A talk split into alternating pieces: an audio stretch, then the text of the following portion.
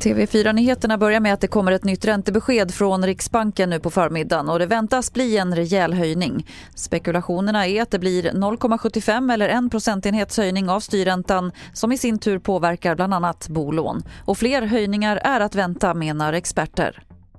Ja, de svenska hushåll som har eh, rätt stora bolån kommer ju få känna av det om man har valt att ha rörlig ränta. Så det ska man ju ta höjd för. Och den här räntehöjningen som vi kommer få idag, oavsett hur stor den blir, kommer ju inte vara den sista utan Riksbanken har varit väldigt tydligt med att man kommer fortsätta höja räntorna i relativt snabb takt under det kommande året. Det sa Johan Javeus som är chefstrateg på SEB.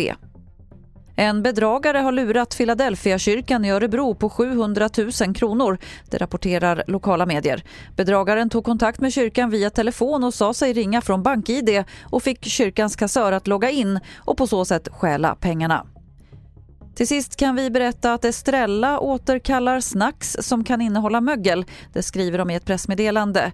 Det handlar om produkten Sombreros Ranch and Sour Cream med bäst före-datum den 18 januari 2023. Om man har köpt såna snacks bör man kasta dem.